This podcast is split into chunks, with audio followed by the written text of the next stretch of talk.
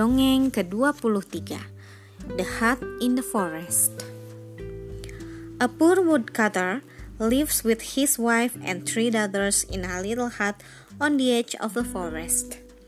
One morning, as he was going to work, he said to his wife, I'd better not come home for lunch today, or I will never get my work done.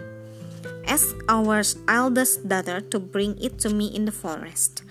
To show which way I've gone, I will sprinkle millet seeds on the path. So, when the sun was high, the girl set out. However, the birds had already picked up the millet seeds and she could not find the track. Bravely, she went on until night fell.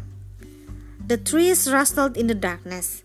The owls hooted and she was afraid. Then, in the distance, she, wa- she saw a light glimmering and she headed towards it. She came to a little house and knocked. A rough voice cried, Come in! When the girl opened the door, an old gray haired man with a long white beard was sitting at the table. Next to a stove were three animals a hen, a cockerel, and a brindled cow the girl begged for shelter for the night, and the man said, Little hen, little cockerel, and little brindled cow, what do you say to that? Very well, answered the animals. And the old man said, You can stay with us and share our supper, but first you have to cook it. The girl was relieved and gladly prepared a tasty meal. However, she didn't think of the animals. She carried two dishes to the table sat by the gray haired man and ate. Then she said, Is there a bed for me? But the animals rep- replied, You didn't think about that, so find out for yourself. The old man said, Go upstairs and you'll find a room with a bed. So the girl went up to the bed without further thought. After some time, however, the gray haired man came up and looked at the girl and shook his head sadly. Then he opened a trapdoor, and the girl found herself slipping and sliding down a dark tunnel until she came to land in the cold cellar. Later that night, the woodcutter came home and told his wife off for leaving him hungry all day. It is not my fault, she replied. Our daughter must have got lost. We can only hope she finds her way back tomorrow.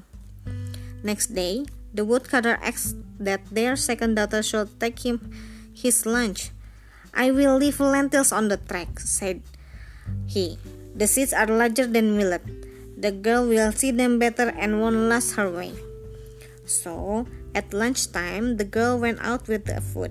But once again, the birds had already picked up the lentils.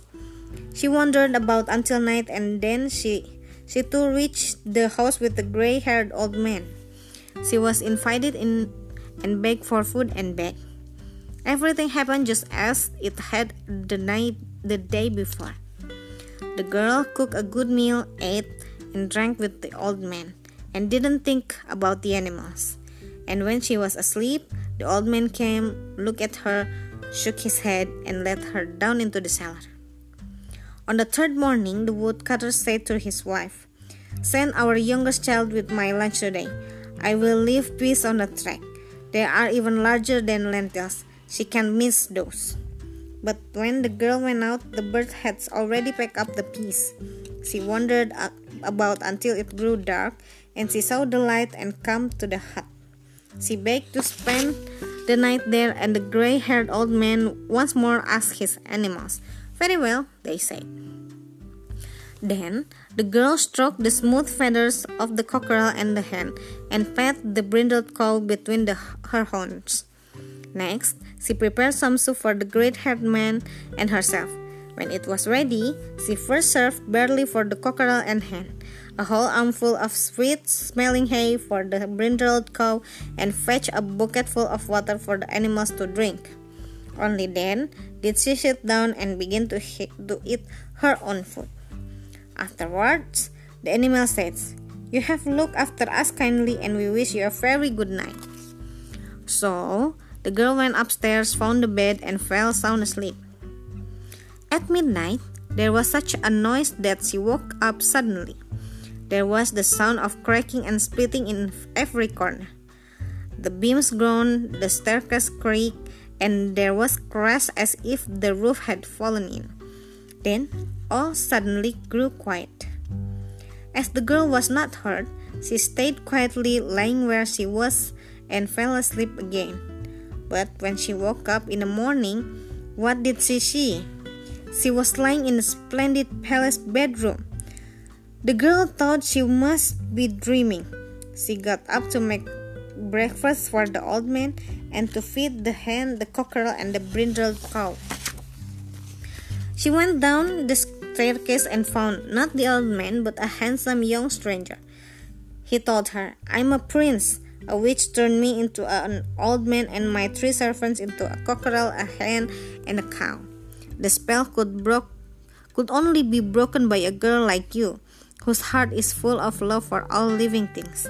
At midnight, we were set free and the hut changed back into my palace. Your sisters have been set free too. They will live with your parents until they learn to look after all creatures. Now, I beg you to live here with me forever as my wife. As the girl looked at the prince's kind face, she fell in love and agreed. And so, they were married and lived together happily in the prince's palace, and the girl and the kind girl visited her family whenever she wanted.